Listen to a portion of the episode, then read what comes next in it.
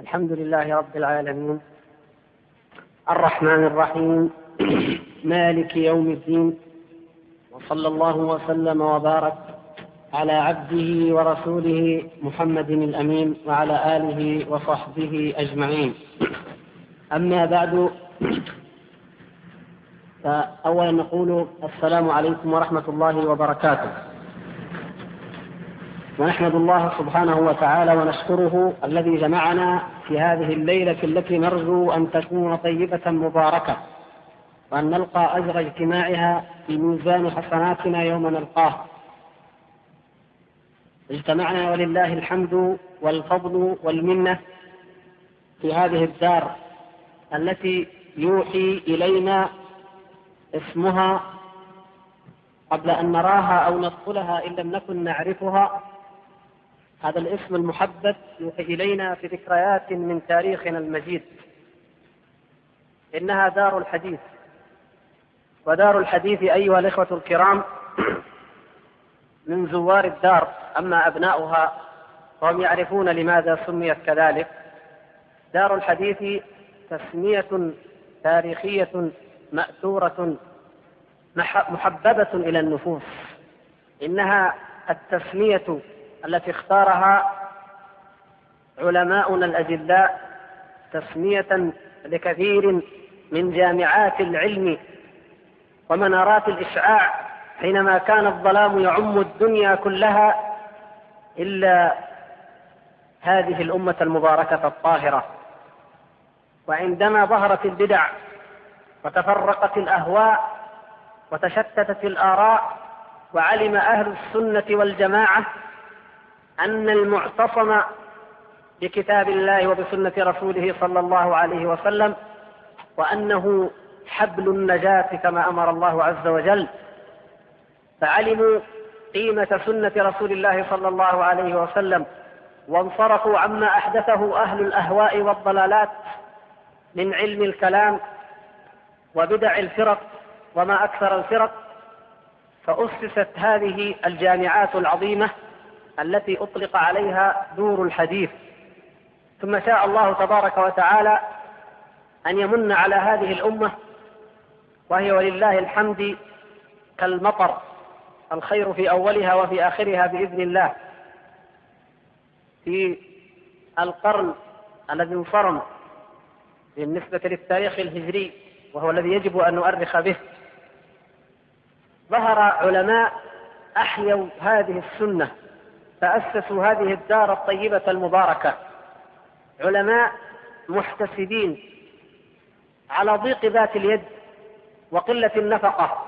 علموا أن هذه البلدة الطاهرة التي جعل الله تبارك وتعالى فيها أول بيت وضع للناس لا يليق بها أبدا ولا ينبغي لها بحال إلا أن تكون قلعة للتوحيد ومنارا للسنة.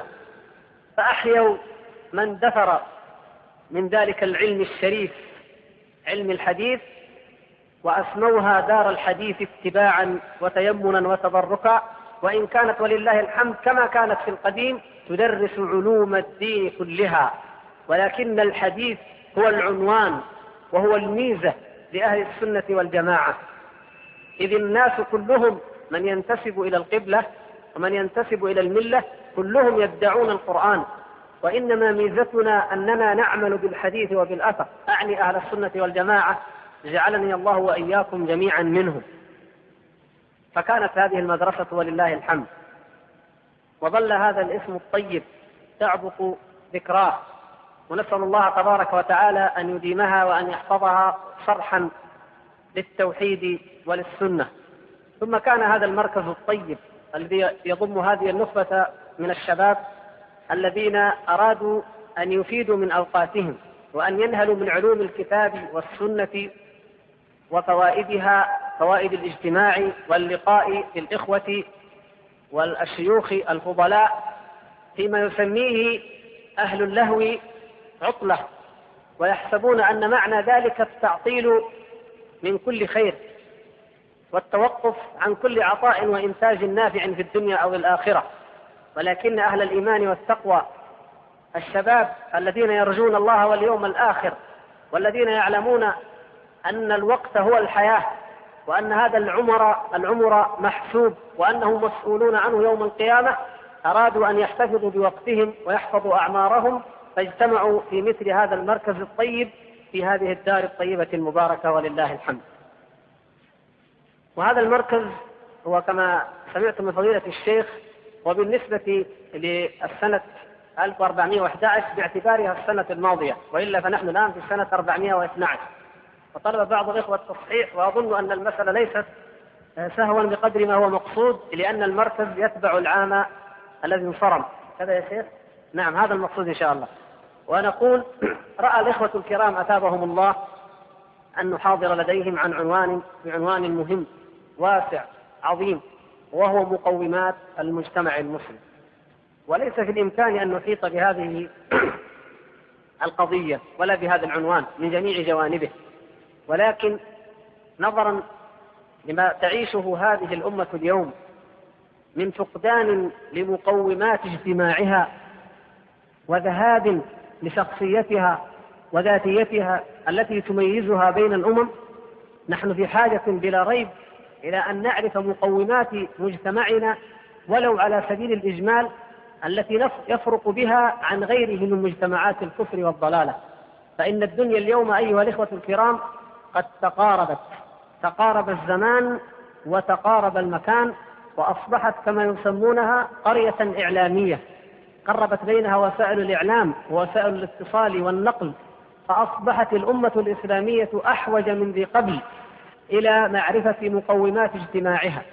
هذا مع ما اعتراها من ضعف وتراخ وتحلل وافتراق وغير ذلك من دواعي ضرورة معرفة مقومات هذا المجتمع المؤمن الذي ميزنا الله تبارك وتعالى وشرفنا به. وأعظم ما يميز وما يقوم هذا المجتمع أعظم مقومات المجتمع المسلم أيها الإخوة الكرام هي القضية الأولى التي لا يمكن أن نتجاوزها بالحديث ابدا.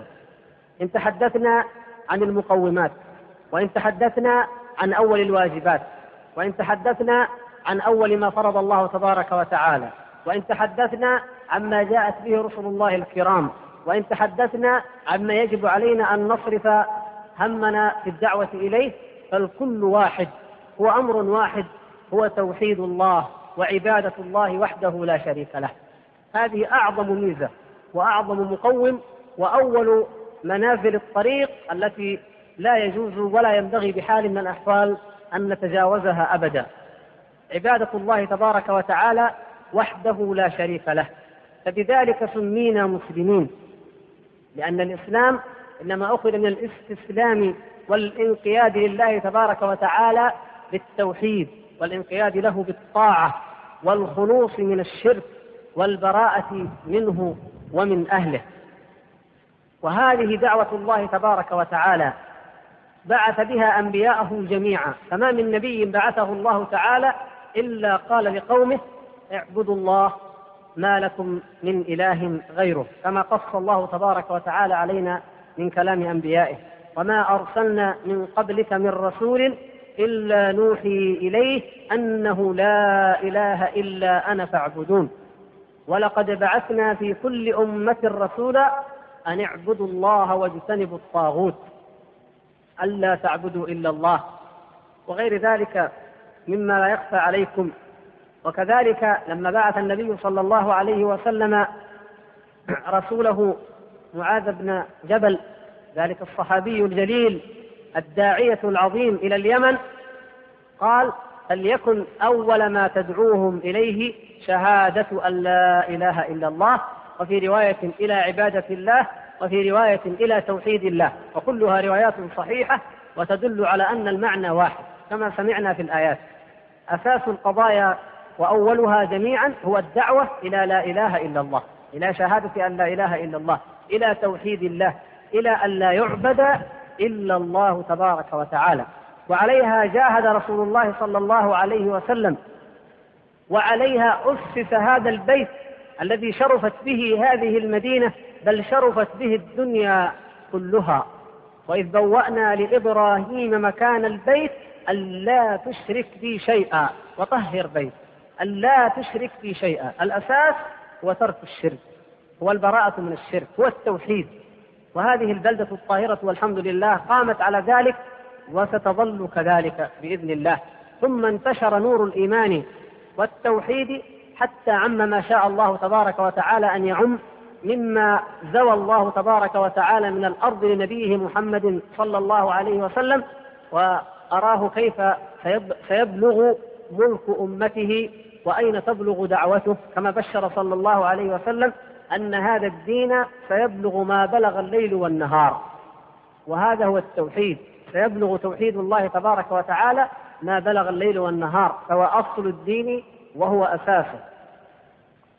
والأمر الآخر وهو جزء منه أي جزء من التوحيد وهو مقوم مهم من مقومات المجتمع المسلم الذي يحفظ له انتماءه وتحقيقه لإسلامه وانتسابه إليه هو التحاكم إلى شرع الله تبارك وتعالى. ومن أعجب العجب أن المسلمين في العصور المتأخرة يدعون الإسلام اسما ولكنهم أتوا بعقائد ونحل ومبادئ وضعية أو جاءت شرقية أو غربية ثم جعلوها هي العقائد التي تستمد منها المناهج. والقيم والمعايير في الاقتصاد والسياسة والإعلام وسائر جوانب الحياة وحصروا دين الله وحصروا العبادة وحصروا التوحيد وضيقوا عليها في شعائر معينة. فتوهم العامة أن في إمكان الإنسان أن يكون موحدا أو عابدا ومع ذلك يعتقد بعض هذه العقائد كأن يكون اشتراكيا أو ديمقراطيا. أو بعثيا أو ما أشبه ذلك من الضلالات والكفريات عياذا بالله تعالى. فالتحاكم إلى ما أنزل الله ونبذ كل شرعة تخالف شريعة الله هو جزء من توحيد الله تبارك وتعالى ومن عبادته وحده. وكما رأينا في الآيات التي قرأها الأخ أتابه الله من سورة الأنعام في هذه السورة ذكر الله سبحانه وتعالى هذه القضايا وفصل فيها بما لا مقام لذكره هنا. فجعل الله سبحانه وتعالى اتخاذ الولي من دونه أو اتخاذ الرب من دونه أو اتخاذ الحكم من دونه كل ذلك لا يجوز ولا يجوز. وإنما الولي والرب والإله والحكم هو الله وحده لا شريك له. وما اختلفتم فيه من شيء فحكمه إلى الله. أم لهم شركاء شرعوا لهم من الدين ما لم يأذن به الله؟ ألم تر إلى الذين يزعمون أنهم آمنوا بما أنزل إليك وما أنزل من قبلك يريدون أن يتحاكموا إلى الطاغوت وقد أمروا أن يكفروا به ويريد الشيطان أن يضلهم ضلالا بعيدا. ومن لم يحكم بما أنزل الله فأولئك هم الكافرون وفي الأخرى فأولئك هم الظالمون وفي الثالثة فأولئك هم الفاسقون. وغير ذلك من الآيات التي لا تخفى عليكم ولله الحمد كلها تدل على أن من أهم مقومات المجتمع المسلم ومن تحقيقه لتوحيد الله أن يكون الحكم لله تبارك وتعالى بالرد إلى كتاب الله وإلى سنة رسول الله صلى الله عليه وسلم. وهذا يشمل مما يشمل أيضا ترك التعصب المذموم المقيت لآراء الرجال. والتأدب مع رسول الله صلى الله عليه وسلم ومع سنته وألا يقدم بين يدي الله ورسوله كلام أحد كائنا من كان. وإن كان صحابيا جليلا أو إماما متبوعا أو عالما مجتهدا فالتقديم والاعتماد والاستدلال إنما يكون أولا من كلام الله ثم كلام رسوله صلى الله عليه وسلم ثم ما وافقهما. وإذا كانت المسألة موضع اجتهاد وتنازع فقد أمرنا أن نرد النزاع إلى الله وإلى الرسول فيما وقع فيه التنازع ثم ليجتهد كل منا في تحقيق ما أمر الله وما حكم به رسول الله صلى الله عليه وسلم وبعد ذلك لا مانع من أن تختلف الاجتهادات. إذا اتفقنا على منهج الاستدلال ومنهج الاستمداد ومنهج التلقي من الله ورسوله صلى الله عليه وسلم ولم نقدم عليه قول أحد كائنا من كان. لا شيخ طريقة كما يفعل الضلال من الصوفية وأمثالهم ولا رأي متكلم كما يفعل أهل الكلام من المعتزلة والأشعرية وأشباههم ولا كلام الأئمة المزعومين أنهم معصومون كما يفعل الروافض والباطنية وأشباههم وكما ذكرنا أيضا المذاهب الوضعية الباطلة. التي انتسب لها كثير من المسلمين في هذا الزمن ولا حول ولا قوة إلا بالله العلي العظيم. المجتمع المسلم هو المجتمع الذي يحكمه شرع الله ودين الله وتقام فيه حدود الله كما شرع الله. ولن يقوم المجتمع ابدا إذا لم تقم حدود الله كما شرع الله على الشريف على الشريف والضعيف على الرفيع والوضيع. وأن تقام لوجه الله تبارك وتعالى لا من أجل رياء ولا من أجل سمعة ولا لمجرد الحفاظ على الأمن والحياة وإن كانت هي مطلوبة ولكن الأساس أن ذلك عبادة لله تبارك وتعالى لا يصح إيمان المجتمع إلا بتحقيق هذه العبادة. فلا وربك لا يؤمنون حتى يحكموك فيما شجر بينهم. ثم لا يجدوا في أنفسهم حرجا مما قضيت ويسلموا تسليما. وانظروا إلى حال المجتمعات التي انحرفت عن شرع الله وأتت بالقوانين الوضعية كيف حالها وكيف مآلها من التفسخ والتفكك حتى أصبحت كلمة الإسلام إذا أطلقت فهي غريبة عندهم. من يدعو للاسلام غريب في بعض المجتمعات التي تدعي أنها أو إنها إسلامية والله المستعان ولا حول ولا قوة إلا بالله العلي العظيم. الواجب على جميع المسلمين أن يحتكموا إلى ما أنزل الله تبارك وتعالى وقد أخبر النبي صلى الله عليه وسلم أن من أسباب هلاك الأمم كما قال إنما أهلك من كان قبلكم أنهم كانوا إذا سرق وهذا ينطبق على غير السرقة منهم الشريف تركوه. إذا سرق منهم الضعيف أقاموا عليه الحد أو قطعوه. وإذا سرق منهم الشريف تركوه.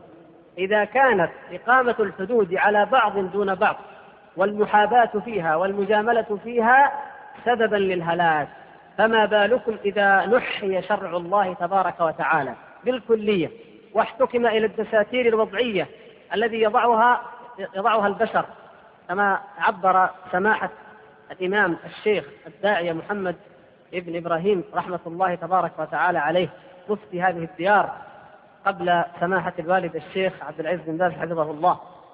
عندما قال هو متوفى رحمة الله عليه عام 1389 هجرية سماها قال زبالة الأذهان وحثالة الأفكار. هذه زبالة أذهان البشر يضعون ويغيرون ويبدلون كما يشاءون ويأمرون الناس أن يحتكموا إليها ويطلبون منهم ذلك ويلزمونهم بها إلزاما. ولذلك فإنه رحمه الله جعل هذا النوع يعني فتح المحاكم الوضعية وتهيئتها للناس وأن يكون لها سجلات ومراجع ومستمدات كما للمحاكم الشرعية جعل ذلك نوعا من أنواع الكفر الأكبر. كما قرأتم وتقرؤون جميعا في رسالته القيمة على وجازتها وصغر حجمها وهي رسالة تحكيم القوانين. ولا نطيل في هذا لوضوحه إن شاء الله بل ننتقل إلى مقوم آخر هو المقوم الثاني بعد التوحيد. إذا اعتبرنا أن القضيتين هي قضية واحدة حقيقة وهي قضية التوحيد وهو اتباع السنة وترك البدعة. وهذه أعظم وصية أوصى الله تبارك وتعالى بها ورسوله صلى الله عليه وسلم بعد توحيد الله. وهي تأتي في المرتبة الثانية كما أنها بالنسبة إلى أعظم المحرمات فاتباع البدع هو في الدرجة الثانية بعد الكفر وقبل الكبائر العملية. الكبائر الاعتقادية العلمية هي أشد وأعظم جرما من الكبائر العملية كالزنا أو السرقة أو شرب الخمر.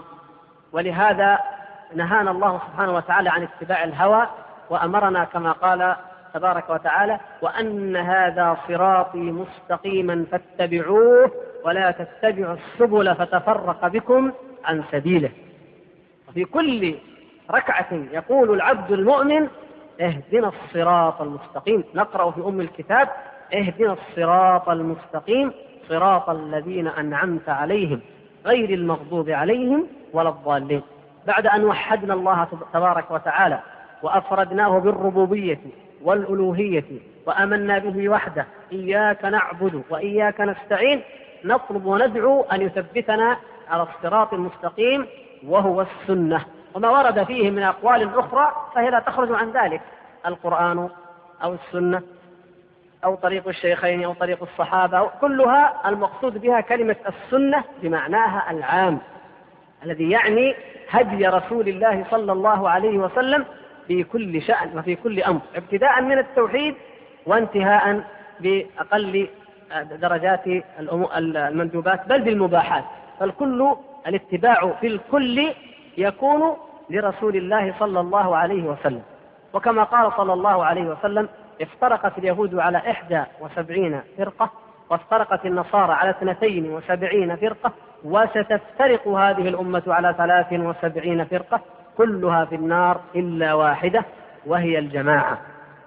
ولهذا أوصى الله سبحانه وتعالى بها وأوصى بها رسوله صلى الله عليه وسلم واعتصموا بحبل الله جميعا ولا تفرقوا. وهذه وإن كانت تشمل كل أنواع التفرق إلا أن أعظم وأشد أنواع التفرق جرما هو التفرق في الدين. وهذا ما حذرنا الله تبارك وتعالى منه حتى لا نشابه المشركين الذين إن الذين فرقوا دينهم وكانوا شيعا لست منهم في شيء. الأمم قبلنا جميعا المشركون من اليهود والنصارى وقد وقعوا في الشرك جميعا وغيرهم فرقوا دينهم وكانوا شيعا. أما نحن فأمرنا باتباع سنة النبي صلى الله عليه وسلم التي أوصى ووعظ بها صلوات الله وسلامه عليه ونهى عن البدع وعن المحدثات من فضلك اقلب الشريف. التي أوصى ووعظ بها صلوات الله وسلامه عليه ونهى عن البدع وعن المحدثات وقال عليكم بسنتي وسنة الخلفاء الراشدين المهديين من بعدي عضوا عليها بالنواجذ وإياكم ومحدثات الأمور فإن كل بدعة ضلالة وكل ضلالة في النار. ولهذا كان السلف الصالح رضوان الله تبارك وتعالى عليهم ينكرون أشد الإنكار على ما ظهر من بدع في أيام الصحابة رضوان الله تبارك وتعالى عليهم أو في من بعدهم كما أنكر عبد الله بن مسعود رضي الله تعالى عنه على بدع في التسبيح فعلها بعض القراء كما أنكر آه، غيره مما لا مجال لذكره الآن ثم لما ظهرت البدع وتميز أهل السنة أو لما ظهرت البدع التي هي فرق رأيتم كيف كانت عقوبتها. فإن علي رضي الله تعالى عنه وهو إمام زمانه وخليفة عصره لما خرجت الرافضة التي تنتسب إليه إلى اليوم لم تكن عقوبتهم عنده إلا الحرق. وهذا ما أنكره عليه عبد الله بن عباس رضي الله تعالى عنه. لكن المقصود أنهم اتفقوا على القتل وإن اختلفوا في كيفيته. ولهذا قال لما رأيت الأمر أمرا منكرا أججت ناري ودعوت قنبرا وقال شاعرهم لترمي بي لترمي بي المصائب حيث شاءت إذا لم ترمي بي في الحفرتين وهي الحفر التي أوقدها من النار لما قالوا أنت هو قال ومن هو؟ قالوا الله. تعالى الله عما يشركون. والطائفة أو الفرقة الأخرى التي خرجت في زمن الخلفاء الراشدين وهي الخوارج أيضا قاتلهم علي رضي الله تعالى عنه وفرح وسر هو والصحابة الكرام بقتالهم وابتهجوا بذلك وجعلوا ذلك من آيات الله سبحانه وتعالى الدالة على صدق رسالة نبيه صلى الله عليه وسلم كما في حديث السدية وجعلوه دليلا على صحة إمامة علي رضي الله تبارك وتعالى عنه وأن ذلك من كراماته لأنه وفق إلى قتل هؤلاء الذين قال فيهم النبي صلى الله عليه وسلم لو أدركتهم لقاتلتهم أو لقتلتهم قتل عاد. فكانت معركة النهروان وغيرها مما قتل فيه هؤلاء. إذا عقوبة أهل البدع أيها الإخوة وإن لم يدعوا إلى الشرك الصريح هذه هي عقوبتهم كحال الخوارج. أما إذا دعوا إلى الشرك كما دعا إليه الروافض الأولون والمتأخرون وكما يدعي إليه المتصوفون المتصوفون في هذا الزمن وفي كل الأزمان الذين اتبعوا الطرق اتبعوا السبل التي نهى الله تبارك وتعالى عن اتباعها وأصبحوا ينعقون بالشرك الأكبر يزعمون أن مع الله إلها آخر. هؤلاء خرجوا في الحقيقة عن حد الابتداع ودخلوا في حد الشرك. الذين يقولون إن أحدا يعلم الغيب غير الله وإن كان رسول الله صلى الله عليه وسلم. الذين يقولون إن رسول الله صلى الله عليه وسلم هو الأول والآخر والظاهر والباطن. تعالى الله عما يشركون. أعطوه خصائص الألوهية وأسماء الله سبحانه وتعالى وصفاته. وغير ذلك فلو لو كان المشرك به مع الله تبارك وتعالى أفضل خلقه وأحبهم إليه وهو محمد صلى الله عليه وسلم أو أفضل الملائكة وهو جبريل عليه السلام لا يرضى الله تبارك وتعالى ذلك أبدا. فكيف بعبادة من دونهم من الأولياء أو الصالحين. فكيف بضلالات وبدع وشركيات وخرافات عند من ليس لهم حظ من الولاية؟ وإنما هم مفترون أرباب مزعومون مدعوون. كثير من الأضرحة التي تزار وتعبد في أنحاء العالم الإسلامي اليوم أيها الإخوة ليس فيها أحد أصلا. بل ربما كان فيها من ليس بمسلم ولا حظ له من الولاية. فإذا كنا ننكر على من يأتي بالشرك عند قبر رسول الله صلى الله عليه وسلم أو قبر الصحابة قبر أحد من الصحابة أو أي أحد من الأنبياء كما يزعمون أن قبور الأنبياء معروفة كما يدعي البعض فكيف بمن يفعله عند من لا حظ له من الولاية أصلا؟ كله شرك وكله باطل. نسأل الله تبارك وتعالى أن يحمي هذه الأمة منه إنه سميع مجيب.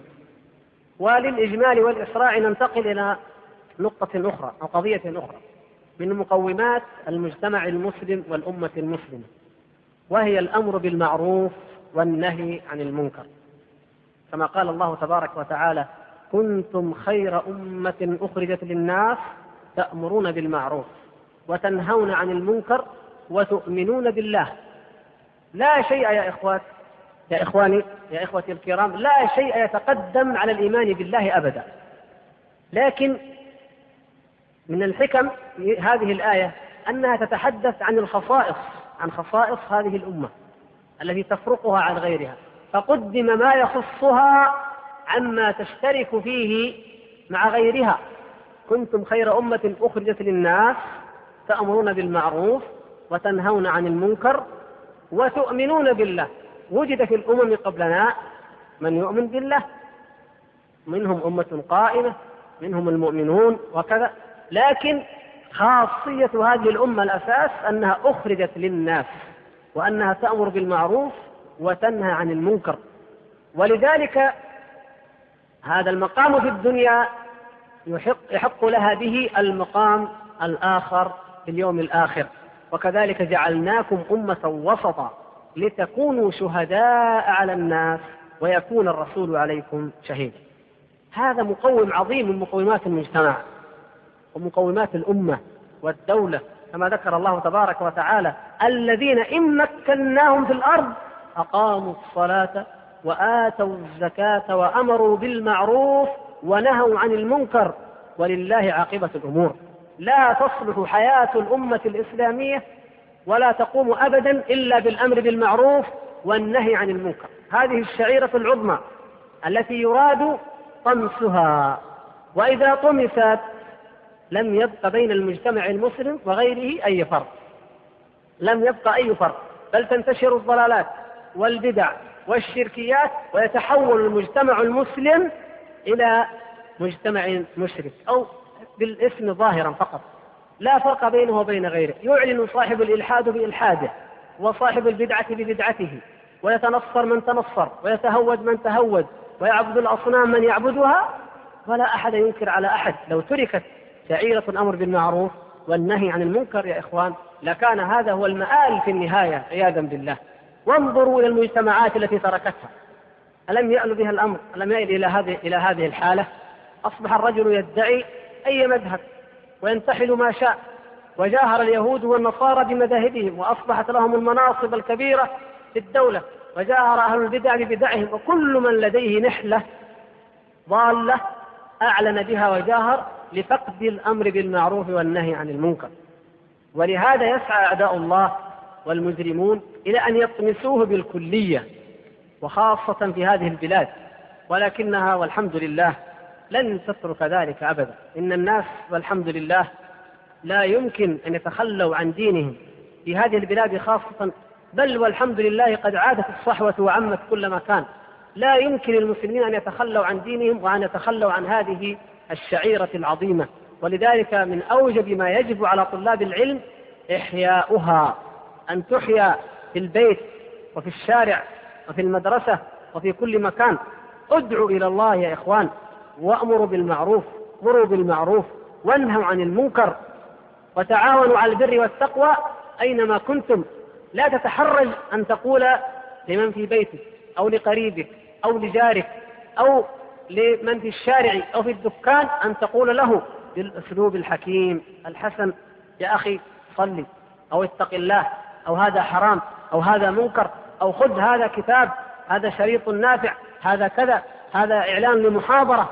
أي عمل من أعمال الخير يجب أن تحيا في المجتمع في الإدارات الحكومية في كل مكان أن نحيي ذلك وأن يشعر أصحاب المنكر بأنهم يرتكبون المنكر وأن الأمة تحتقرهم وأن الأمة ترذلهم لا لكبر عنهم لأنهم أصحاب مال أو ثراء أو منصب ولكن لأنهم يعصون الله سبحانه وتعالى فإذا تركوا المنكر فهم إخوة وهم أحبة. إذا إذا رأى الناس ذلك عظموا أمر الله سبحانه وتعالى وأحبوا الله عز وجل وتمسكوا بدينه وعلم صاحب المنكر أنه سيناله ما نال. وكثير من الإخوة من الناس أيها الإخوة الكرام كثير من الناس يفعل المنكر وهو ما يزال في بدايته. في أول الطريق لو وجد من يقول لنا لرجع. وبعضهم قد بدأ قليلا ولو وجد من قال لما وزاد عليها كيف تفعل وكذا وكذا لرجع. وبعضهم أيضا لو وجد كتابا أو شريطا أو حديثا حسنا لرجع. وبعضهم قد غاص في البدع والضلال أو في المنكر والفسق. هذا أمر آخر لكن كثير من الناس قريبون من الخير على حافة الخير. فإذا حركتهم ولو قليلا يبتعدون عن الشر بإذن الله سبحانه وتعالى. فهذه من أعظم مقومات المجتمع المسلم التي يحفظه الله تبارك وتعالى بها. وعلى عجل أيضا نقول من أعظم وأهم مقومات المجتمع المسلم العدل. لأن العدل إنما قامت السماوات والأرض بالعدل وأمر الله تبارك وتعالى به في القول وأمر به في العمل وأمر به في كل شيء. وإذا قلتم فاعدلوا ولو كان ذا قربى. ولا يجرمنكم شنآن قوم على ألا تعدلوا. اعدلوا هو أقرب للتقوى. والسماء رفعها ووضع الميزان ألا تطغوا في الميزان وأقيموا الوزن بالقسط ولا تخسروا الميزان. وغير ذلك كثير. هذه الأمة أيها الإخوة أمة العدل. ولذلك كان من سنة الخلفاء الراشدين ما فعله ما أمر به عمر بن عبد العزيز رضي الله تعالى عنه حين جعل مكان بعض العبارات التي لا تليق في خطب الجمعة جعل هذه الآية الكريمة العظيمة الجامعة إن الله يأمر بالعدل والإحسان وإيتاء ذي القربى وينهى عن الفحشاء والمنكر والبغي. إن الله يأمر بالعدل. هذا مطلوب العدل من هذه الأمة بالذات بل من كل أحد. العدل محبب إلى النفوس جميعا. العدل أيها الإخوة تطلبه كل الفطر وكل العقول في المجتمعات كافة الكافر منها والمؤمن كلها تريد العدل وكلها تدعيه وكلها تحبه وتنشده. ولكن الأمة التي تعرف الحق وهديت إلى الحق وبه يعدلون هي هذه الأمة والحمد لله. هي التي أعطاها الله سبحانه وتعالى العدل لا مبادئ عامة كما يزعمون ولكن حقائق تفصيلية أحكام تفصيلية. كيف تعدل في بيتك؟ مفصل لك الحكم. كيف تعدل في عملك؟ الحكم مفصل. كيف تعدل في ولايتك أن كنت قاضيا أو اميرا؟ الحكم واضح أمامك.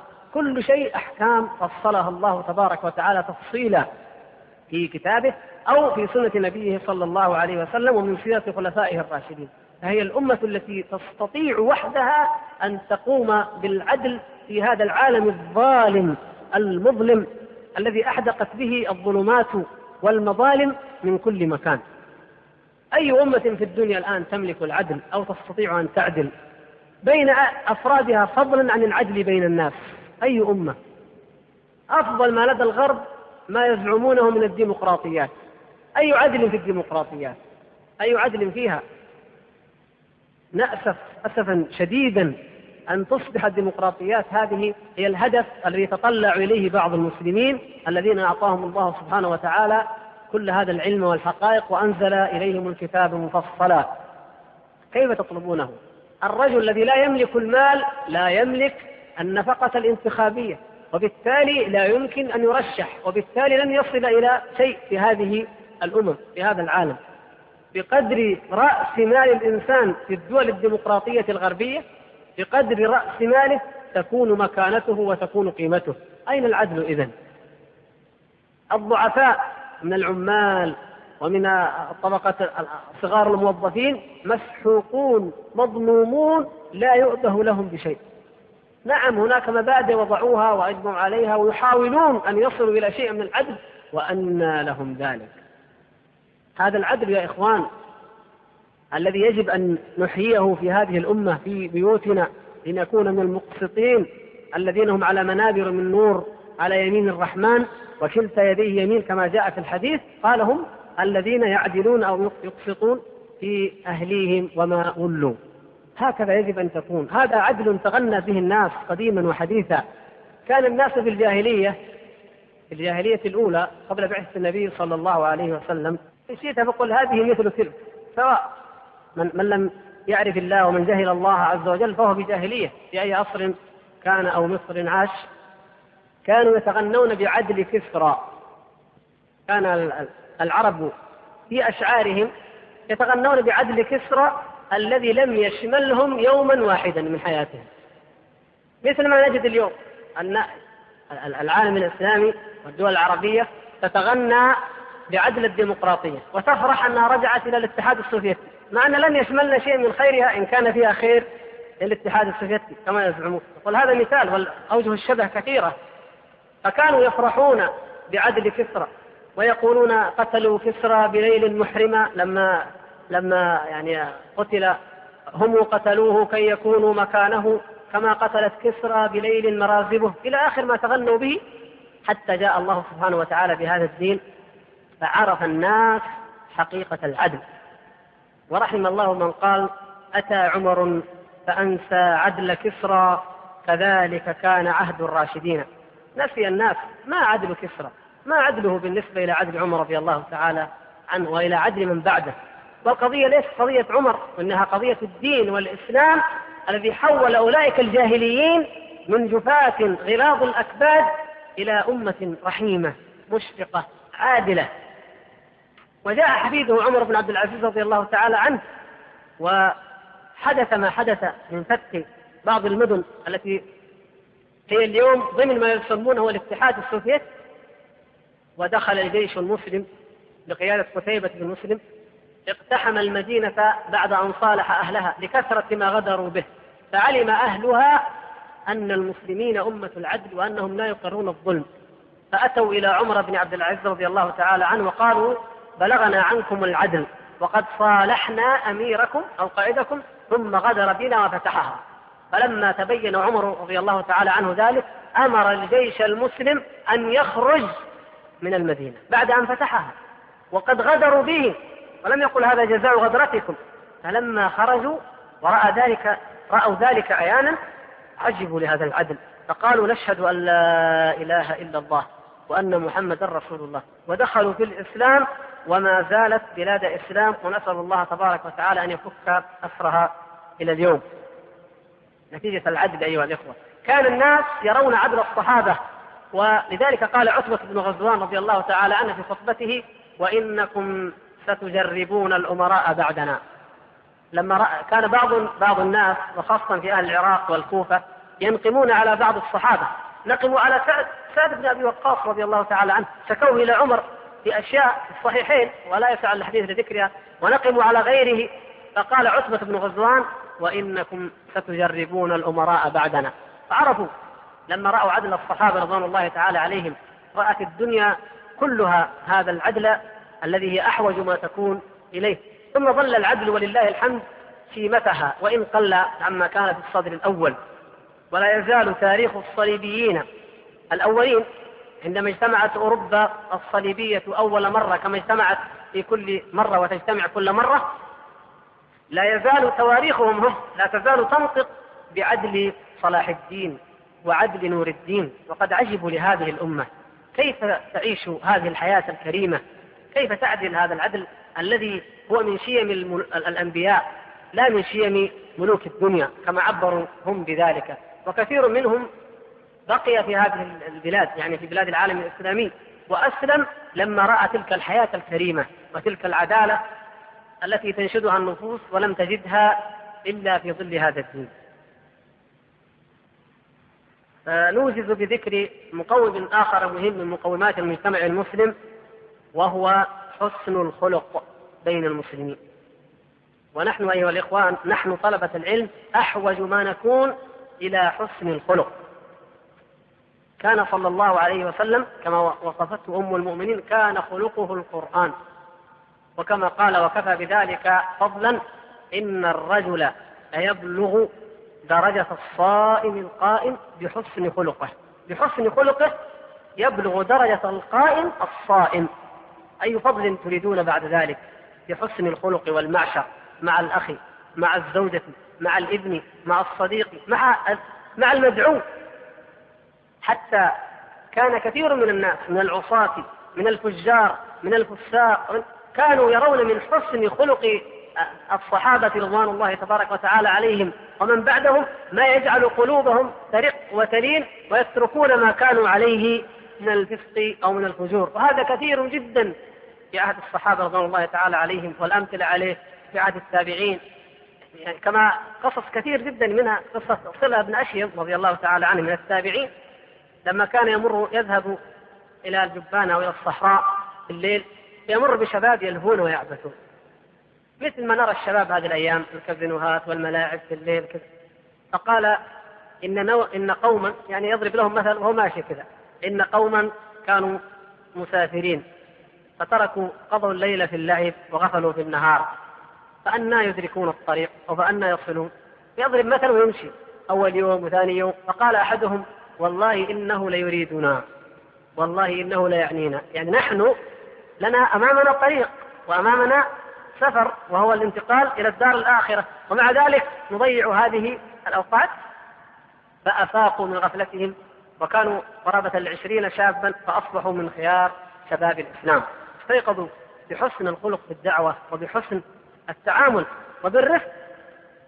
وبعض المحدثين كما يذكر عن شعبة رضي الله تعالى عنه وهو الإمام المحدث المشهور الثقة الذي قال عنه الإمام أحمد رحمه الله كان أمة وحدة في هذا العلم كان مارا بطريق مجتازا يحيط به طلاب العلم من كل جهة ويحفون به فخرج رجل من شرار الناس من الفساق كما هم في كل زمان ومكان. قال من هذا؟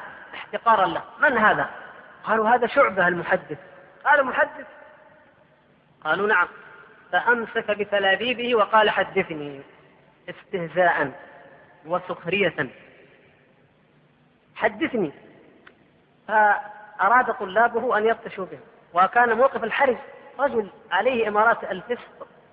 وليس فيه من سمات الخير شيء. وبكل هذه الوقاحة ويعرض له في الطريق ويقبض عليه حدثني حدثني. فأراد أن يستفلت منه. قال لست من أهل هذا العلم لست من أهل هذا العلم. فقال لا إلا أن تحدث فقال حدثنا فلان عن فلان عن رسول الله صلى الله عليه وسلم أنه قال إذا لم تستحي فاصنع ما شئت.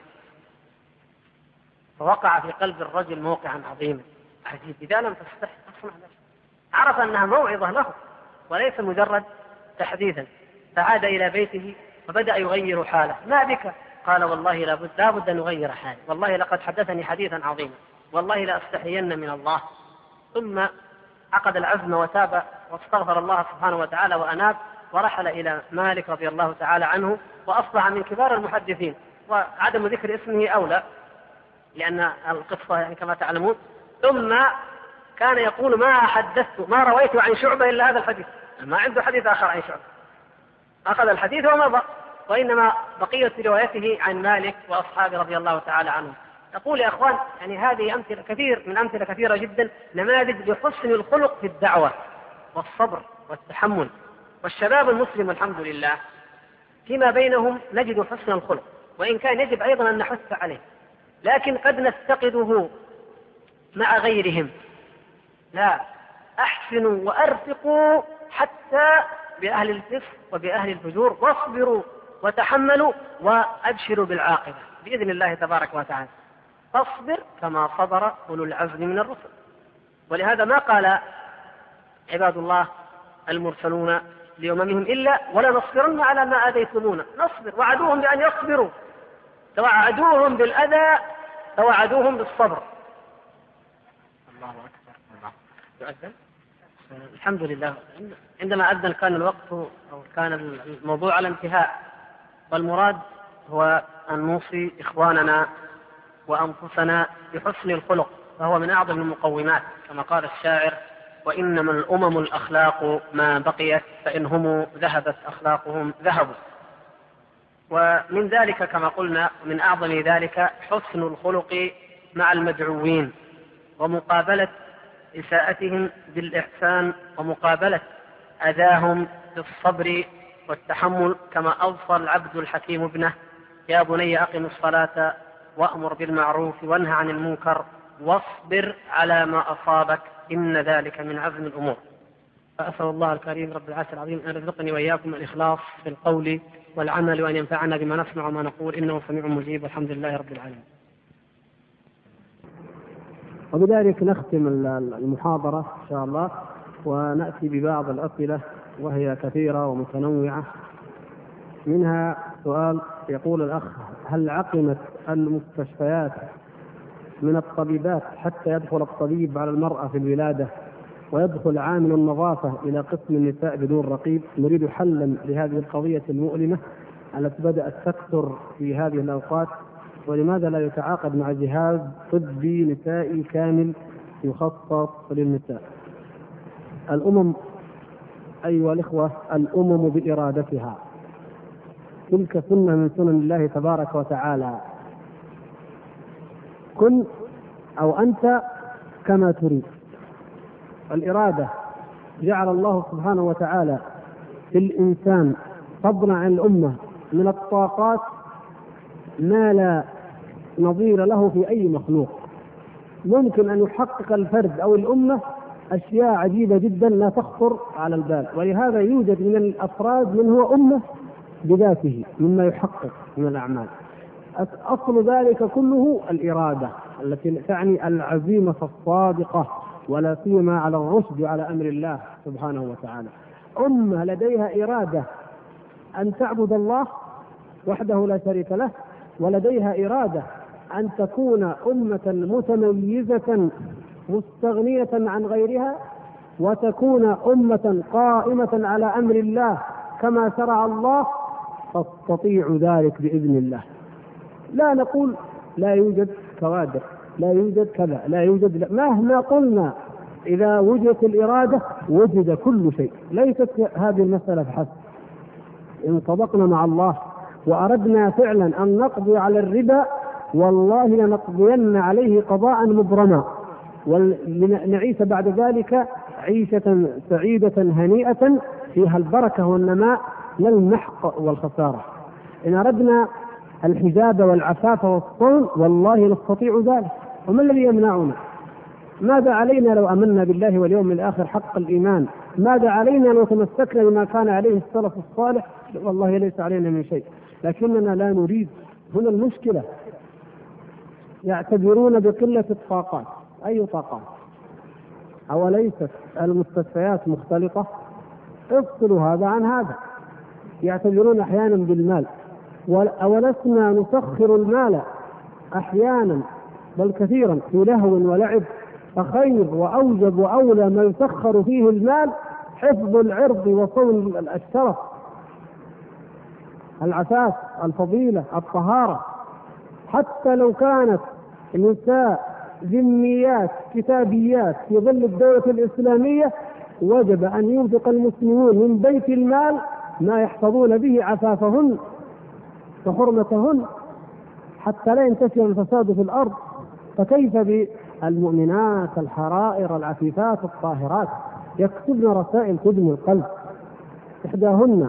وكثيرا ما كتب وجاءتني رسائل تبكي تقول والله انني لا أذهب إلى السوق أو إلى أي مكان إذا اضطررت أن أخرج من البيت إلا متغطية متحجبه الحجاب الكامل لا يرى مني ظهر فإذا جاءت الولادة كان ما كان يأتي الطبيب الأجنبي وقد يكون كافرا أو ملحدا فيرى مني كل شيء حتى عورتي أين غيرتكم يا, يا, دعاة ويا علماء ويا ويا طلبة علم ويا, ويا أين غيرتكم؟ إلى هذا الحد صارت كما في هذه الورقة حتى عامل النظافة يدخل. سبحان الله العظيم. لماذا لا نعين من يقوم بهذا العمل؟ هذا نستطيع نحن نستطيع أن نعينه. كل من يفتح مستوصفا أو مستشفى نسائيا متخصصا نعينه. لو نمده بالمال وبالطاقات وبكل جهد هذا من إقامة الأمر بالمعروف والنهي عن المنكر. هذا من أوجب الواجبات. والحمد لله ليس هذا بغريب علينا. انظروا تعليم البنات. عندما قام وضعت له ضوابط الحمد لله فيه فيه خير كثير. رغم ما دخله من خلل ودخل لكن فيه خير في ضوابط كثيرة. فلما لا يكون الحال في المستشفيات؟ كذلك. عجيب جدا. أن يقبض على الرجل والمرأة مختلفين يكون هذا الرجل مثلا مدرسا مثلا مدرسا وهي مدرسة. فاختليا. هذا هذان يقام عليهما عليهما الحد الحد عموما يعني لأنهما اختليا أما إن كان طبيبا وطبيبة أو طبيبا وممرضة نحن الذين نهيئ لهم الغرفة والخلوة نهيئ لهما كيف يختليان كيف كيف يقع هذا التناقض؟ من الذي حرم هنا وأحل هنا؟ أليست حرام؟ أليست الخلوة حراما من كل أحد وكيفما كان؟ المدرسة لا تأتي إلا بمحرم والممرضة تأتي من غير محرم عجيب والله قانونان ونظامان في بلد واحد في أمة واحدة لماذا؟ لماذا هذا؟ أليست هذه أولى؟ عادة عادة الممرضات أقرب إلى إلى الفسق بحكم البيئة من المدرسات عادة يعني وخاصة أن كثيرا من معاهد المعلمات وكليات البنات منفصلة حتى في خارج المملكة فسبحان الله هذه بحجاب وصون وأوامر مشددة ومحرم وكذا وكذا وتلك منفلتة. لا يماثلها إلا من يسمونهن المضيفات خادمات الطائرات. يجب علينا يا اخوانا أن نتقي الله. لا عذر لنا في معصية الله ونحن أمة تملك أعظم الموارد المالية وتملك أكبر الطاقات البشرية. والله لو أردنا أن نشتري أكبر العقول في الغرب. لا ليس في الشرق أكبر العقول في الغرب. التي تصنع القنابل النووية لاشتريناها وجاءتنا راغمة. عبد الدولار. والدولار متيسر. المال موجود. الغيرة موجودة إن شاء الله. فقدت الغيرة؟ فقدت؟ موجودة. لكن سبحان الله المثل القديم الذي تعلمناه من يعلق الجرس؟ آه ما نقدر ما أستطيع. اكتب.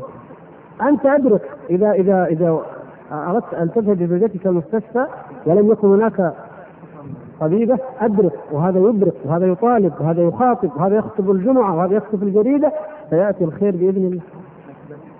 ما ضاع حق وراءه مطالب. هذه قضية يا إخوان يؤسفني جدا أن أكرر كلام فيها، قضية العرض والله حافظ عليه العرب في جاهليتهم، والله حافظ عليه أجدادنا قبل أن تبلغهم دعوة الشيخ محمد بن عبد الوهاب رحمه الله، قبل أن يروا نور التوحيد، والله حافظوا عليه. ويسمون المرأة العار. إلى اليوم يسمونها العار. العار كلمة العار تطلق على المرأة. وهذا من المجاز الذي تعلمونه في اللغة. يعني لأن أي شيء يمسها فهو العار. والآن أصبحنا نتهاون بهذه القضية مثل هذا التهاون. بعض ال ال ال الأزواج أو المحارم أيا كان يرمي بها عند باب المستشفى ويذهب. ولا يعلم ماذا يصنع بها. عجيب والله. إلى هذا الحد إذا رخصت عندك امرأتك أو مولاتك عرضك رخص إلى هذا الحد فما الذي تعظم؟ أغلى شيء عندك ما هو؟ طبعا بعد إيمانك بعد عقيدتك هذا شيء في قلبك لا أحد يفتش عليه لكن نتكلم عن هذا الأمر الظاهر الذي تغار فيه تغار له القلوب المسلم والله لا يرضى والله إن المؤمن لا يرضى لكافر أن يرى عورة كافرة لا تحل له وليست من محارمه. فكيف نرضى أن ترى عورة المرأة المسلمة من فجار أو فساق؟ أيا ما كانت العلل في ذلك. ما عدا الضرورات القصوى التي يجب أن يوضع لها أيضا ضوابط ولا تنفلت هكذا. وأسوأ من هذا هذا السؤال الآخر. أن الأخ يقول أنه يعمل في مستشفى حراء. طبعا في حراء على أساس أنه خارج مكة خارج الحرم. وكأن كل شيء خارج الحرم فهو حلال. سبحان الله. من قال هذا؟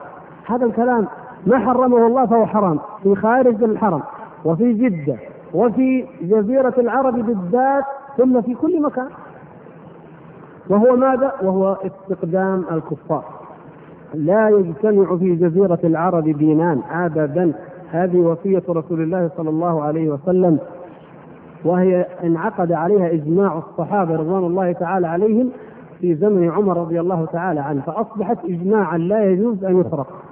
وعليها والحمد لله فتاوى علمائنا وقد قرأت من فتوى الطويلة لسماحة الشيخ عبد العزيز حفظه الله في فتاواه المنشورة مؤخرا عن استخدام العمال الكفرة في الجزيرة كلها حتى دول الخليج. الجزيرة جميعا اليمن ودول الخليج وهذه من أعالي من نهر الفرات. ونهر العاصي وأطراف الشام إلى بحر عدن ومن الخليج أو بحر البصرة كما يسمى قديما إلى البحر الأحمر. كلها جزيرة العرب لا يجوز أن يدخلها نصراني ولا أن يجتمع فيها دينان، فكيف يكون كما قال السائل أو السائلة أو أنه أخ سائل؟ نعم ممرض ورئيسة قسم التمريض في المستشفى كله وليس في قسمه فقط امرأة فلبينية نصرانية صليبية متعصبة جدا. هذا كلام آخر. يكفي إنها كافرة حتى لو ما هي متعصبة. المهم إنها نجس ورجس وتعمل رئيسة للتمريض. كيف نتوقع أن يكون التمريض؟ المسلمة الفاسقة لا يجوز أن تولى. الصلاة وهي صلاة يا أخوان صلاة ما ما يقدم ما يؤم الفاسق مع وجود الأخيار إلا إذا كانوا كلهم فساقا يؤم امثالهم مثلا.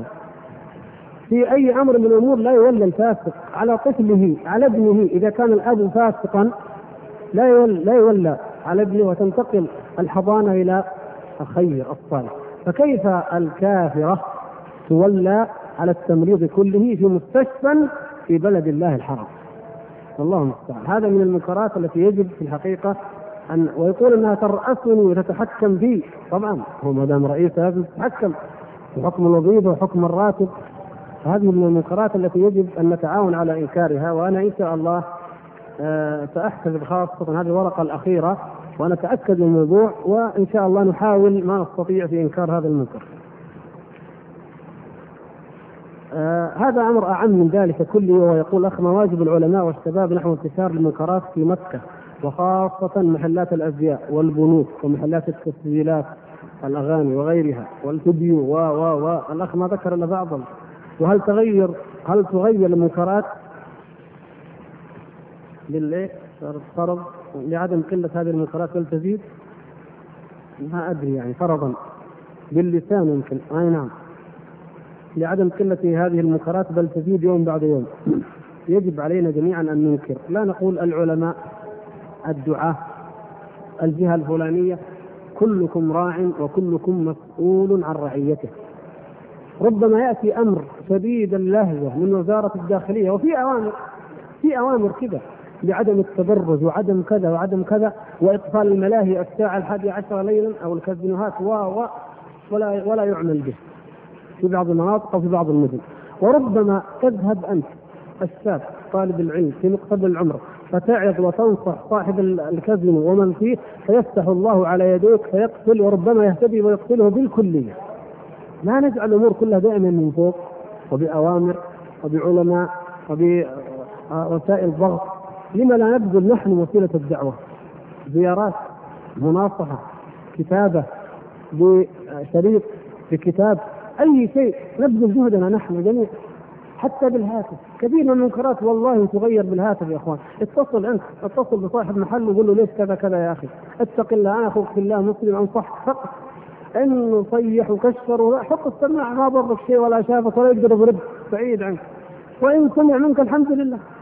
لكن نحن تهيبنا فلهذا يا إخوان اتقوا الله يوم القيامة. اتقوا الله أن يقول الله لأحدكم ما منعك أن تنكر ذلك المنكر فتقول يا رب خوف الناس أعوذ بالله. خوف الناس ماذا يقول لك الله عز وجل؟ تخاف الناس ولا تخافني إلى هذا الحد ابذلوا يا إخوان جهدكم. بما تستطيعون. كم والله صاحب فيديو اقصى له كم صاحب منكر. كم وكم للدعوه إلى الله. ثم أيضا يكتب العلماء وإلى كل من لديه له سلطة وتقام عليه الحجة في إنكار هذه المنكرات ولا سيما في هذا البلد الحرام. الذي جعل الله سبحانه وتعالى له من المنزلة والمكانة ومن يرد فيه بإلحاد بظلم نذقه من عذاب أليم. الأخ يقول بعد أن عرفنا هذه المقومات ولله الحمد ما هي أفضل الطرق لسلوك هذه المقومات؟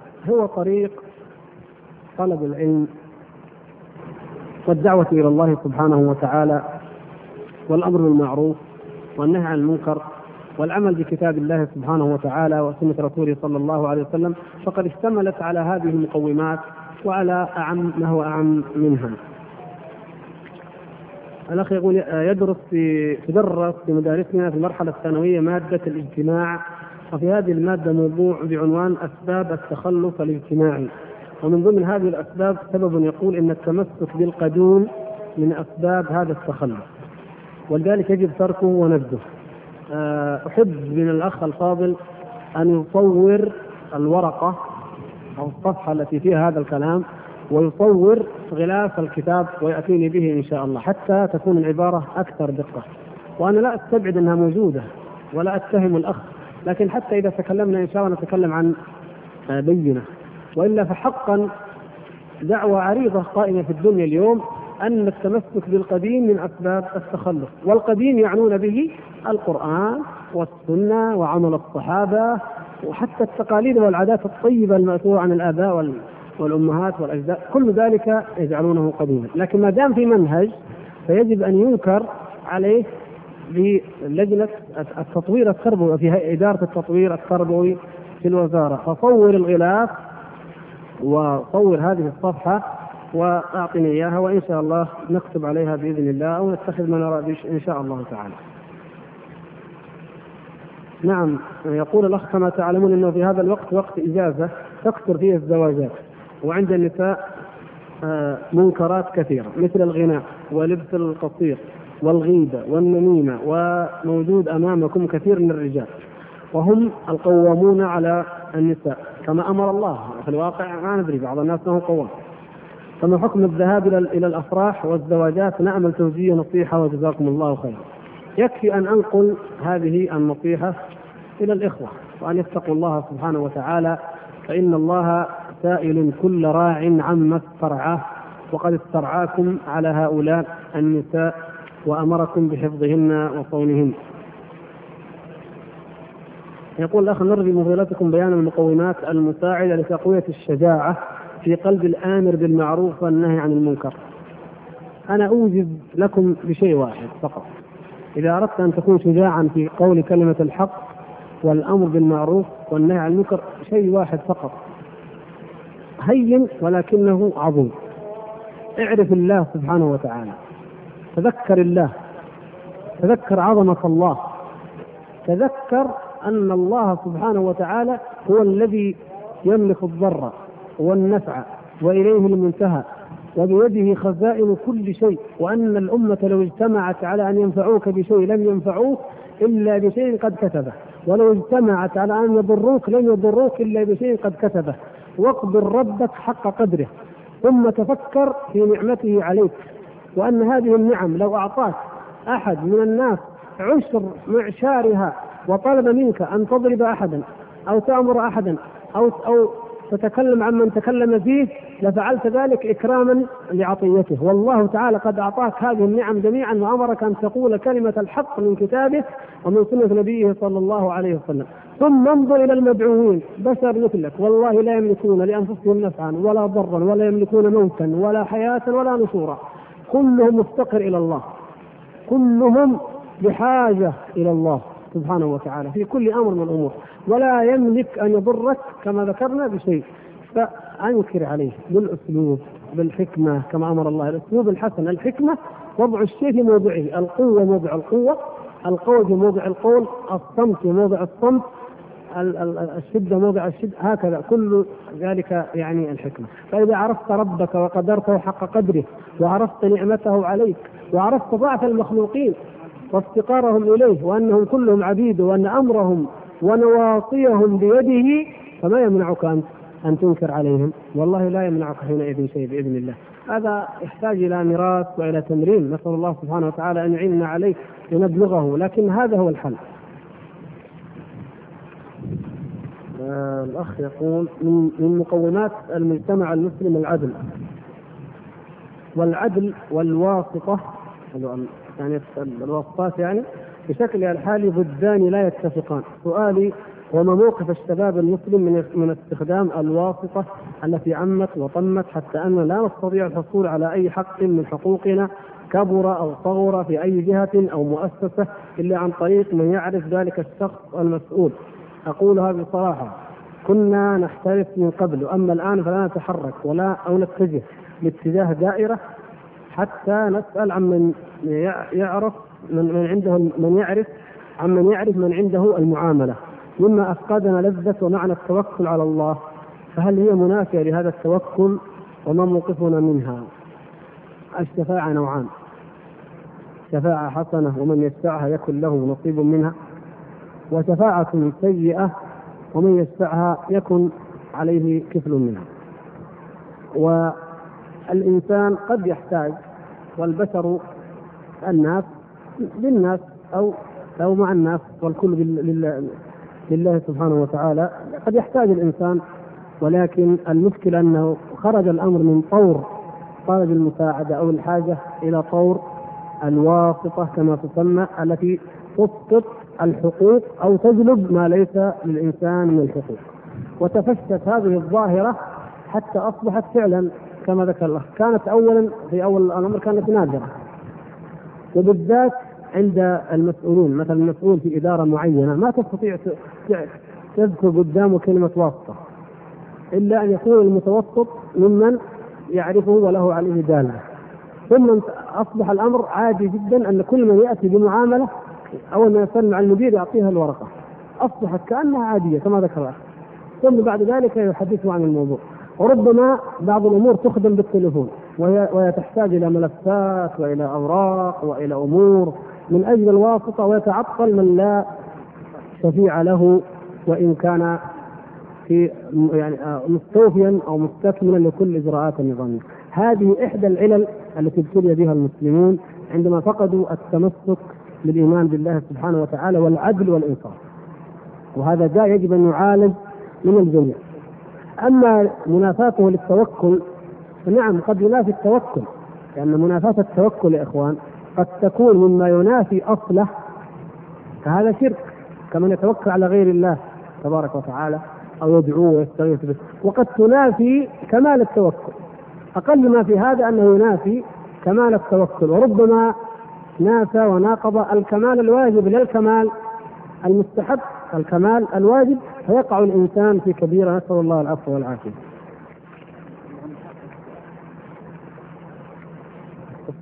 طيب يقول الأخ ذكرتم ان من المقومات الأساسية للمجتمع الأمر بالمعروف والنهي عن المنكر لكن نجد من يحصر الأمر بالمعروف والنهي عن المنكر بقصد أو بغير قصد في بعض المنكرات كترك صلاة الجماعة وغير ذلك. ونحن نرى المنكرات تبث عبر وسائل الإعلام بشتى أنواعها وفي الكتب والمناهج ثم ينكر على من ينكر ذلك. فهل من كلمة حتى نحافظ على تماسك المجتمع؟ وجزاكم الله خيرا نسأل الله سبحانه وتعالى أن يحفظ لأمتنا ومجتمعنا تماسكه وإيمانه ووحدته في ظل كتاب الله وسنة رسوله صلى الله عليه وسلم. ولا شك أن ترك صلاة الجماعة من أعظم المنكرات لكن الاقتصار عليه وحده واعتبار أن الأمر المعروف والنهي عن المنكر خاص فقط بالصلاة هذا نتيجة انحراف منا وخلل في التطبيق. انحسرت دعوتنا وإنكارنا قليلا قليلا حتى أصبحت هذا حالها. الهيئات الآن الهيئات كثير من الناس يظن أن معنى الهيئة أنك تقول صلوا بس وظف الهيئة. ليش؟ قال عشان تقول الناس صلوا. بس ما يظن إلا غير إلا ذلك. أول ما كانت الهيئات قبل أظن حوالي 20 سنة كانت تفتش المطارات.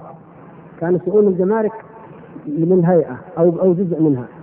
كانت تقوم بما تقوم به البلديات اليوم من الكشف في الأسواق عن الغش والتحايل والتلاعب. وهذا من عمل المحتسب الذي ورد في أعمال المحتسب التي نص عليها الفقهاء.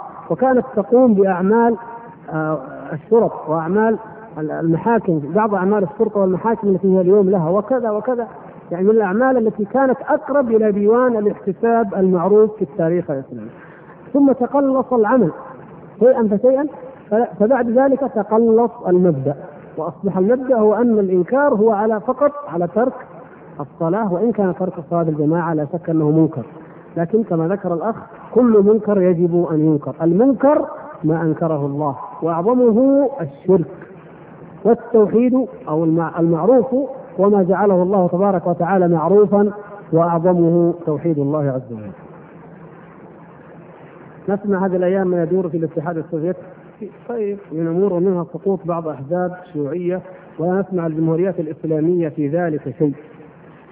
المسلمون كما قال الشاعر ويقضى الأمر حين تغيب تيم ولا يستامرون وهم شهود، إيش دخل المسلمين في الموضوع؟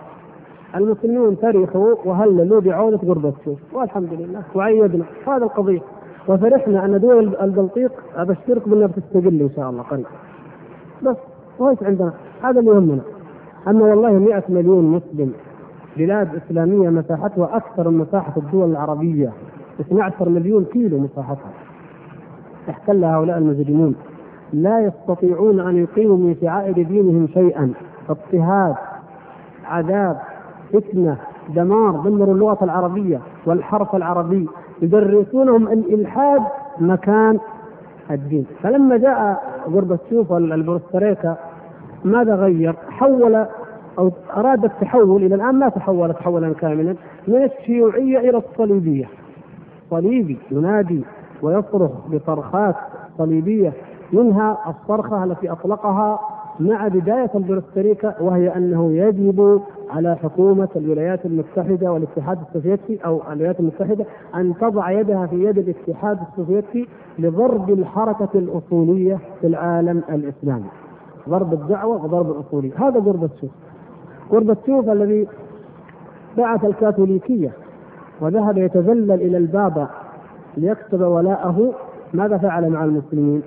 سحقت الدبابات المناطق الإسلامية في أذربيجان وفي غيرها أما ليتوانيا وأخواتها فالتدليل والتبشير ونيل الاستقلال وكل ما تريدون.